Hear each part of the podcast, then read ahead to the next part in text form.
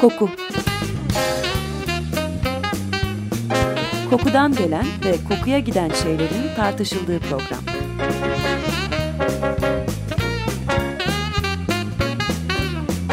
Hazırlayan ve sunan Vedat Ozan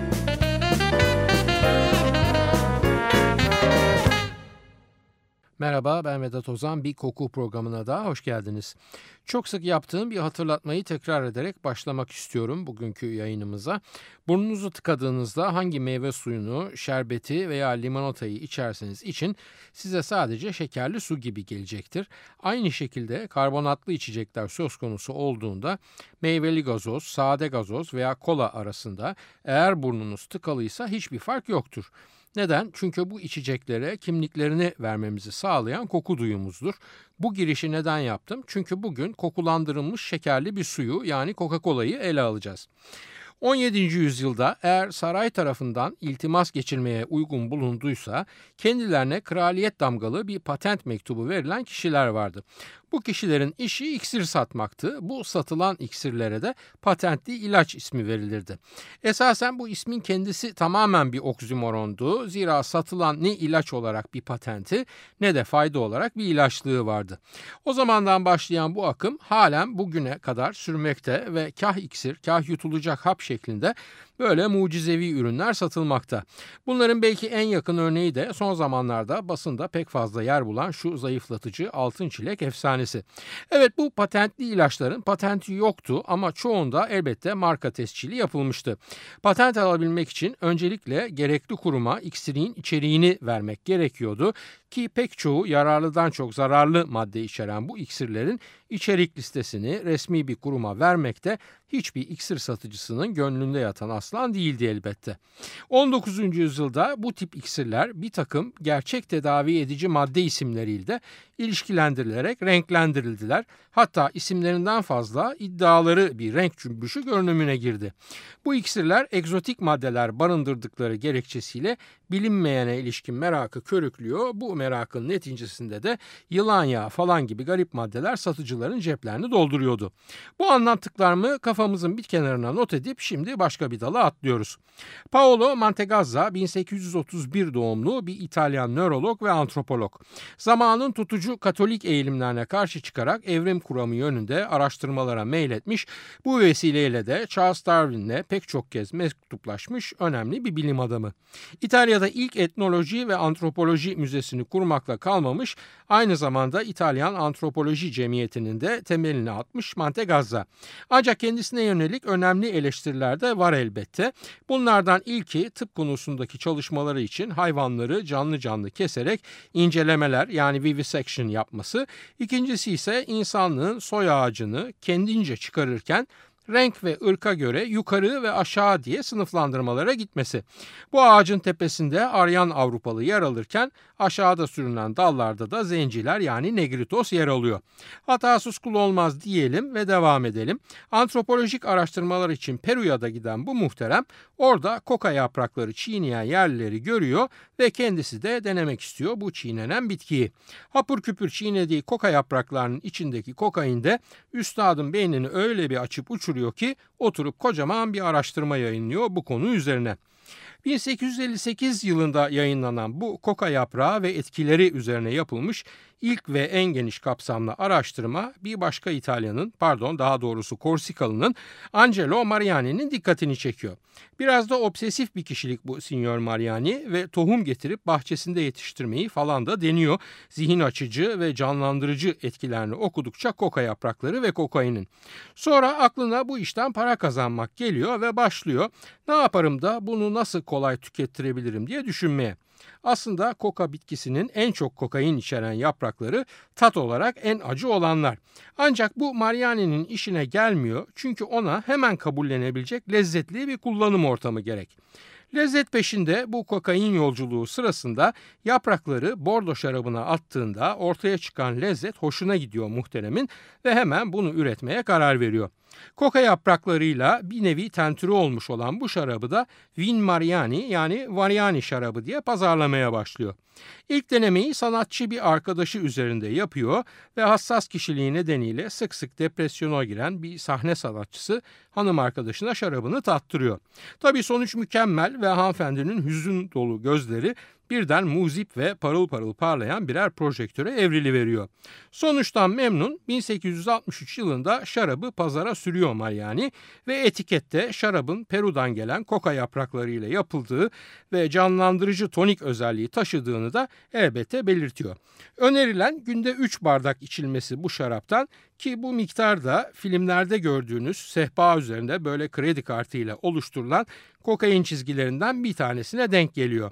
Yani 3 kadeh Vin Mariani eşittir bir doz kokain diyebiliriz kabaca. Şaraptaki alkolün solvent vazifesi görerek koka yaprakları içindeki kokaini açığa çıkarmasıyla 100 gramında yaklaşık 20 miligram kokain ve %11 alkol yer alıyor bu şarabın. Burada dikkat edilecek nokta şu, kokain ve etil alkol reaksiyona girdiklerinde ortaya çıkan koka etilen isimli molekül. Neden buna dikkat edilmesi lazım? Çünkü koka etilen neredeyse kokainin etkisini iki misli derecede bir uyarıcı etkiye sahip. Beyindeki dopamin taşıyıcılarını da bloke ediyor ve hafif öforik bir ruh hali yaratıyor. Koka etilenin sade kokainden bir diğer önemli farkı kullanana endişeli bir duygu durumunu asla yaşatmaması. E bu kadar güçlü bir canlandırıcı reaksiyon ki keyifli bir canlanma bu. Üstelik lezzeti de oldukça hoş olan bir şarabın içinde yer alınca Vin Mariani birden acayip meşhur oluyor.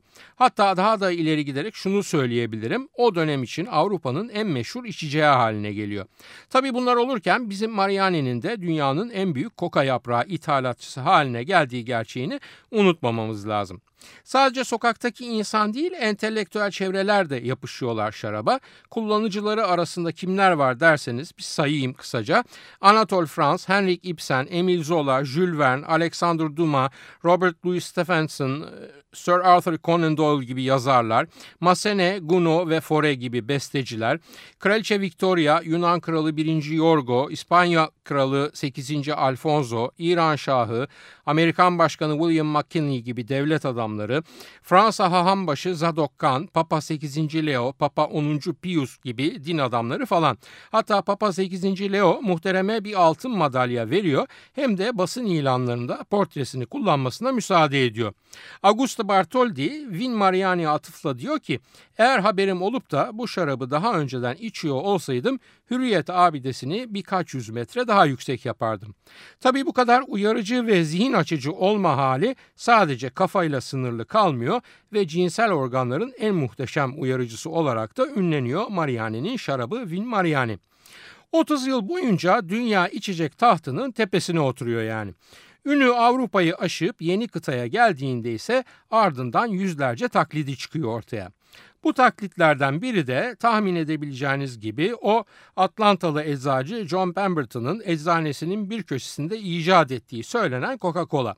Bu kadar ünlenmiş bir ürünü taklit etmek de elbette icat sayılmaz ama modern zamanların pazarlamacıları sağ olsunlar büyük reklam bütçeleri sayesinde biz hikayelerin asıllarını değil maalesef sonradan imal edilmiş resmi şirket sürümlerini bilebiliyoruz. Yani Coca-Cola efsanesinin daha ilk adımında tökezledik farkındaysanız ve bu ürün asla bir icat değil sadece bir taklit hatta taklitlerden sadece bir tanesi. Zaten ilk üretildiğinde de ismi French Wine Coca yani Fransız koka şarabı. Alkolsüz bir meşrubat değil üstelik alkollü ve bol kokainli bir içecek. Gene üstelik bir mucize iksir olarak pazarlanıyor ve o kovboylara satılan her derde deva yılan yağından farkı yok iyi geldiği iddia edilen şeylere bakıldığında. Bir net gerçek daha var. 1887 yılında bizim çakma mucit Pemberton şirketini sattığında Amerika Birleşik Devletleri'nde Vin Mariani satışları Coca-Cola'nın satışlarının kat be kat üstünde. Ama gelin görün ki zaman ve pazarlama bütçesinden olsa gerek hangimiz Vin Mariani diye bir içecekten haberdarız bugün. Neyse yavaş yavaş devam edelim biz işin aslını aslarını görmeye.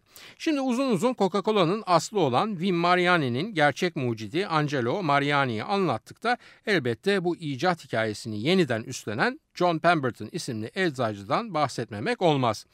1831 doğumlu bir Güneyli Pemberton. Hatta iç savaşta Konfederasyon cephesinden savaşa katılıp Columbus Muharebesi'nde yaralanıyor. E o zaman da yaralıların acısını dindirmek için kullanılan tek şey morfin. Pemberton'a da dayıyorlar morfine hastanede ve bu tatlı maddeyle ilişkisi orada başlamış oluyor. Ondan sonra da kurtulamıyor morfin alışkanlığından ta ki kokainle tanışıncaya kadar. Kokain ve koka yaprağı ile tanışınca bu kez kokaini başka ürünlerde ilgisini çekiyor. Tabi o dönemde dünyanın en parlak kokalı ürünü olan Vin Mariani de bu şekilde ilgi alanına giriveriyor. Hemen az önce bahsettiğim gibi taklit ediyor bu şarabı ve babadan kalma eczanesinin bir köşesinde hem şarap halinde hem de başka eczanelere konsantre şurup halinde satmaya başlıyor. Ancak Amerika ile Avrupa arasında bir küçük fark var o dönemde. Avrupa'daki uyarıcılık seviyesi yeterli bulunmuyor Amerikan tüketicisi nezdinde. Zaten bu yüzden Vin Mariani bile Amerika'ya ihraç edilirken içindeki kokain miktarı %20 arttırılarak ihraç ediliyor. Pemberton sadece içerikteki koka yaprağını yeterli bulmuyor uyarıcı etki açısından ve kafein de koyuyor şarabın içine. Bu kafeini de saf olarak değil çay ve kahvede bulunandan çok daha fazla kafein içeren bir başka bitkiyi kola cevizinin özütünü formüle dahil ederek katıyor şarabın içine. Satışı 1884 yılında başlayan bu Pemberton's French Wine Coca pek başarılı bir ürün değil ve pek çok rakibi arasında ismi bile geçemiyor aslında. Zar zor günü kurtarıyor diyebiliriz yani hatırımda kalana göre günlük satışı 6 veya 7 bardak falan gibi ilk çıktığında. Bir yıl sonra bir başka felaket oluyor ve Atlanta eyaleti diğer pek çok eyaleti takip ederek alkolü yasaklıyor. Hemen burada bir nefes alalım müsaadenizle ve bir kısa kahve molası verelim sonra devam edelim. Metallica'dan dinliyoruz Die Die My Darling.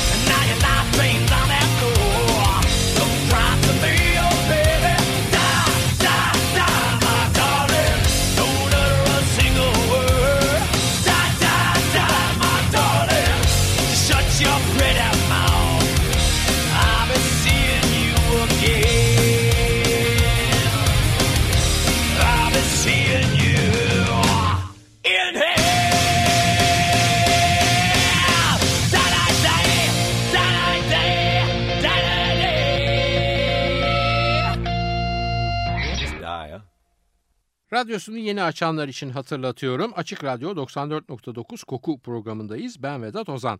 Metallica'dan dinledik Die Die My Darling. O zamana kadar neredeyse bütün içecekler çocukların sabah kahvaltılarında içtikleri dahil alkollü Amerika'da. Ancak bazı püriten çevreler alkol yerine başka içeceklerde deniyorlar elbette. Bir kısmı çok yaygın bir şekilde şeker kamışıyla tatlandırılmış su içiyor. Hatta buna aroma olsun diye ardıç falan da koyuyorlar.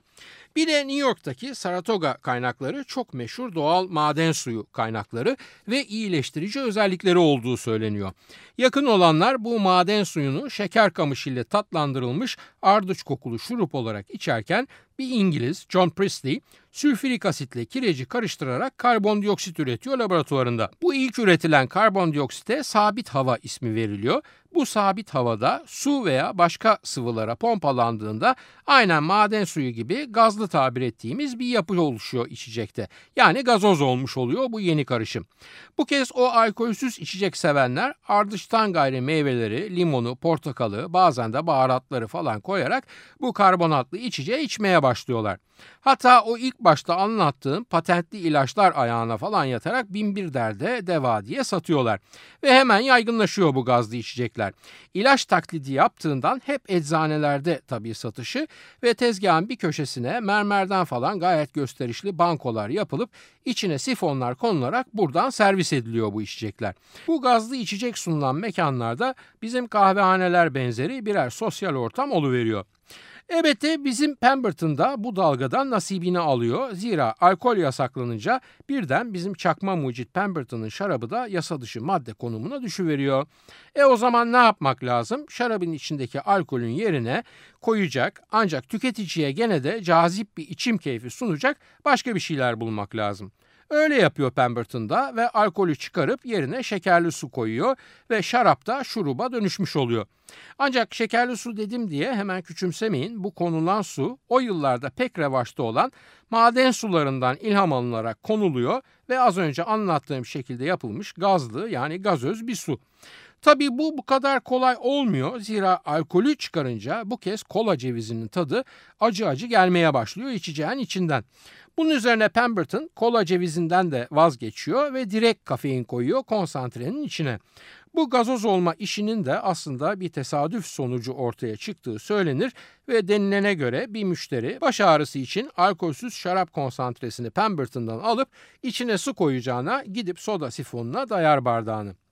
Bu alkol ve bordo üzümlerinin aromasından doğan eksikliğin lezzetsizliğini gidermek için başka şeyler de giriyor içeceğin içine. Vanilya, misket limonu, portakal, limon, muskat, kişniş, tarçın, acı portakal ağacı çiçeği yani neroli vesaire vesaire. Şeker de katıyor tabii tatlı olsun diye ama bu kez yapış yapış oluyor hazırladığı şey. En sonunda sitrik asit yani limon tuzu koyarak bu problemi de çözüyor ve alkolsüz, yeni ve tadı fena olmayan bir içecek elde etmiş oluyor. Ancak konsantre bu halde üretilmesine ve satılmasına rağmen Pemberton'dan bu ürünü toptan alanlar nasıl satıyor orası bilinmiyor. Denilen o ki konsantreyi satmak üzere alanlar da kendilerince bir şeyler katıyorlar. En olmadı konsantre ile sodanın oranında oynamalar yapıyorlar falan. Bu da demek oluyor ki ürün birden fazla noktada satılmaya başladığı andan itibaren her satış noktasında farklı bir lezzeti var. Bu iş şişeleme aşamasına kadar da böyle gidiyor. Oraya da geleceğiz. Bu içecek tamamen patentli ilaç olarak satılıyor. Değerli bir beyin toniği deniyor tanıtımlarda öncelikle.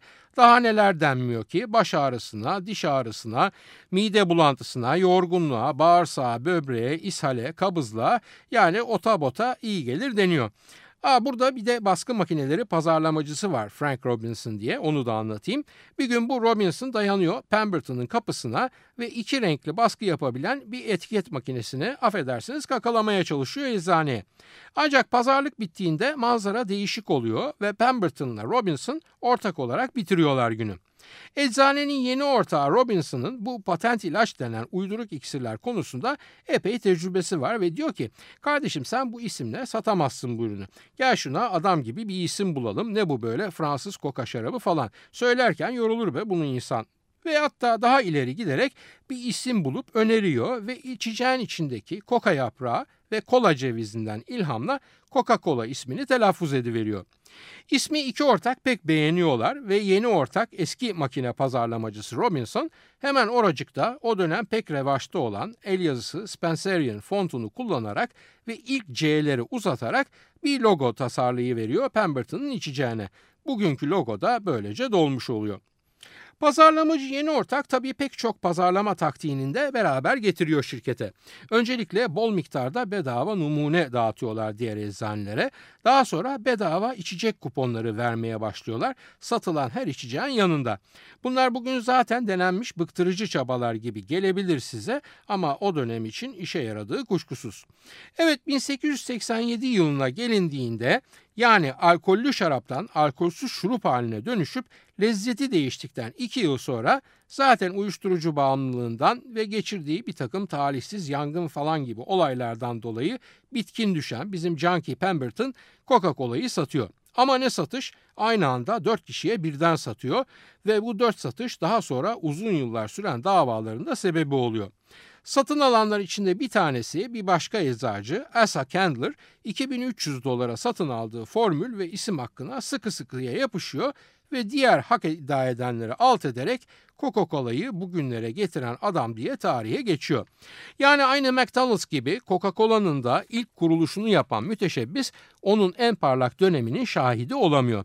Sattıktan bir yıl sonra da Pemberton ölüyor zaten ve satışlara ilave o yetmezmiş gibi bir de oğluna miras bıraktığı mükerrer isim hakkı da bir işe yaramıyor. Zira ondan bir yıl sonra en az onun kadar ağır uyuşturucu müptelası olan oğlu da eroin komasında hayata gözlerini yumuyor. Yıl 1906'ya gelindiğinde Asa Candler'ın elindeki Coca-Cola için başka bir sorun çıkıyor ortaya. Alkolü geçmiştik zaten. Bu kez de kokain yasa dışı ilan ediliyor Amerika Birleşik Devletleri'nde. Candler da diyor ki ya biz zaten hiç kokain koymadık ki bu ürünün içine. Aslında elbette yalan söylemiyor. Zira direkt olarak kokain koymuşlukları yok. Ancak kokain içeren koka yapraklarının özütünü koyuyor bu muhteremler. Neyse kanun yapıcılar da bu kelime oyununu pek yemiyorlar ve mecbur tutuyorlar şirketi içinden kokaini alınmış koka yaprağı kullanmaya. Ancak bugün şirketin resmi tutumu hala hiçbir zaman Coca-Cola'ya kokain katılmamıştır şeklinde. Doğrudur, direkt olarak katılmamıştır. Ancak koka yaprağı özütünün içinden dolaylı olarak ve hatır sayılır bir oranda hep girmiştir. Bir lüzumsuz güncel bilgi parantezi açalım. Bugün hiç parantez açmadığımızı fark ettim zira. Hali hazırda Amerika Birleşik Devletleri'nde tek bir şirket var. Uyuşturucuyla Mücadele Ajansı yani DEA tarafından kokain konusunda yetkilendirilmiş. Steppen Company isimli bu şirket gene alanında tek yetkili olan bir başka şirkete, bir ilaç şirketi olan Malincro'da tıbbi kullanım için kokain satıyor. İlaç yapılmak üzere satışa çıkan bu kokainin elde edildiği Peru ve biraz da Bolivya kökenli koka yaprakları ise kokain çıkarılma işleminden sonra Coca-Cola şirketine sevk ediliyor. Kapatıyorum parantezi ve dönüyorum konumuza.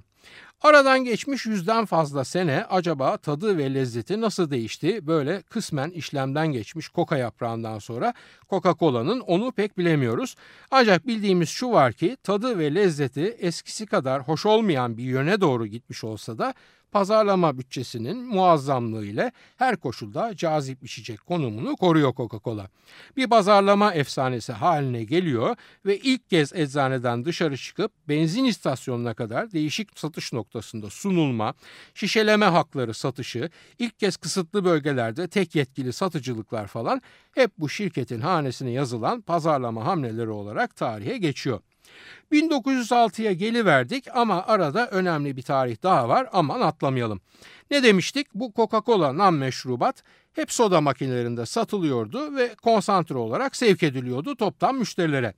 1899 yılında yeni patron Asa Candler'ı İspanyol-Amerikan Harbi sırasında bulunduğu Küba'da şişelenmiş ve tıpalanmış ananas suyundan öykünerek yaptığı bir deneme şişesi Coca-Cola ile gelen bir avukat Benjamin Thomas ziyaret ediyor. Fikir önce pek cezbetmiyor kendileri ama denemekten de bir şey kaybetmeyeceğini düşünerek oracıkta bir anlaşma yapıyor Thomas'la. Mevcut ilk şişeleme anlaşması bu Coca-Cola'nın ve buna göre Thomas'a konsantreyi Candler satacak, şişelemeyi de Thomas yaparak şişede satılan ürünlerden doğan karı paylaşacaklar. Yani zaten konsantre satışı garanti olduğu için Kender'ın hiçbir kaybı yok daha baştan bu anlaşmada. Bugün için Coca-Cola'nın şişeleme anlaşmalarını kaç kişilik bir hukukçu grubu hazırlar. Bu anlaşmalar kaç sayfadır falan bilmiyorum ama bu ilk anlaşma toplam 600 kelimecikten oluşuyor. Tabii hemen siz aa bu meşhur şişe o zamandan mı kalma diye soracaksınız ama alakası yok efendim. İlk şişe acayip şekilsiz ve vasat bir şişe. Tepesi de metal kapakla değil o zaman adet olduğu üzere bilyeli bir tıpayla kapatılmış. Bu yayından az sonra eski kola şişelerinin bazı fotoğraflarını programın Facebook sayfasına koyacağım. Oradan bakabilirsiniz. Bu vasat ve şekilsiz şişe birkaç kez form değiştiriyor. Ne zamana kadar? Ta 1915'lere kadar. 1915'lere gelindiğinde Indiana'daki bir şişe fabrikasına Root Glass Company'ye bir sipariş geliyor. Siparişte deniyor ki öyle bir şişe yapacaksınız ki bize hem tutulması kolay olacak hem karanlıkta bile neye ait olduğu anlaşılacak hem zor kırılacak hem de kırıldığında bile her bir kırık parçası o şişenin ne şişesi olduğuna dair bir fikir verecek. Tasarım işini bir cam aşığı olan Alexander Samuelson isimli bir İsveçli göçmen yanında çalışan Earl Dean'le beraber üstleniyor ve tam tamına bugünkünün aynı diyemesek bile ana hatları itibariyle bugünkünün atası olan o meşhur Coca-Cola şişesi ortaya çıkıyor. İlk şişe prototipi asla satışa çıkamıyor çünkü orta kısmı tabandan geniş yapıldığı için dengesiz, dik duramıyor ve daha dolum bandında şangur şungur devrilip kırılıyor şişeler. Tabi hemen oranlar biraz düzeltiliyor. Tabanla göbek genişliği eşit hale getiriliyor ve bildiğimize yakın hale geliyor meşhur kontürlü şişe. Şişenin elle temasında markaya dair mesaj vermesi duyusal pazarlama alanındaki en önemli yeniliklerden biridir ve sadece görsel algı değil dokunma duyusuna yönelik de pazarlama yapılabileceğinin hem de bunun en güçlü marka kimliği karması haline gelebileceğinin en önemli kanıtı olmuştur yıllar içinde. Evet şekerli bir su olarak tat duyumuza, gazlı kabarcıklarıyla dilimizi ısırarak trigeminal sinirimize, molla limonu, vanilya, portakal, limon, muskat cevizi, kişniş, tarçın, acı portakal ağacı çiçeği yani neroli ile de koku duyumuza hitap eden ve Amerikan yaşam tarzının en önemli simgesi haline gelen bu ürüne ilişkin söyleyeceklerim bugünlük bu kadar. Saniyede 8 bin adet satılan, sınırları delip geçen, hasım olunduğu dönemde Nazi Almanyası'nda veya Kızıl Meydan'da bile talep bulan bir kültürün diğer kültürleri bastırmasının en kuvvetli araçlarından biri olmuş olan bir ürün bu Coca-Cola. İngilizce bilip de bu kültürel baskıyla ne demek istediğimi merak edenlere Reinhold Wagnaliter'ın Coca-Colonization and the Cold War isimli kitabını önerebilirim. Tabi bu konuda da söylenecek çok şey var ancak buradan ötesi bizim programın şemsiyesinin dışına çıkıyor ve zaten vaktimizin de sonuna gelmiş durumdayız. Hani hasım olduğu ülkelerde bile satılır dedim ya az önce bitirmeden ona ilişkin birkaç kelam daha edeyim. Coca-Cola 2. Dünya Savaşı'ndan önce Almanya'da satılmaya başlanıyor. Hatta meşhur Hitler Olimpiyatı denilen 1936 Berlin Olimpiyatlarının da sponsoru. Ancak savaş çıkıp da Amerika'dan ham madde akışı kesilince Almanya'daki şişeleme fabrikası hemen onun yerine ulaşılabilir malzemeyle yaptıkları başka bir gazoz ürün çıkarıyor tesisi boşta bırakmamak için. Bu ürüne de fantazi kelimesinin kısaltılmışı olan Fanta ismi veriliyor. Evet haftaya bir başka kokuda buluşmak üzere. Hoşçakalın diyorum efendim. Soru, öneri, eleştirileriniz için e-posta adresimizi hatırlatıyorum. kokuprogrami.yahoo.com Yayınlarımızda adı geçen konulara ilişkin görselleri az sonra facebook.com Taksim Vedat Ozan Koku adresinde de görebilir. Yorum ve sorularınızı oraya da yazabilirsiniz. Ben Vedat Ozan, radyonuz kokusuz kalmasın sevgilerimle.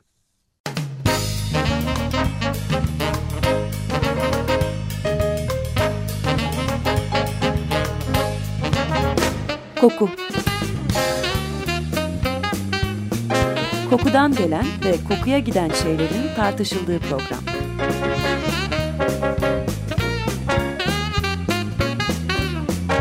Hazırlayan ve sunan Vedat Ozan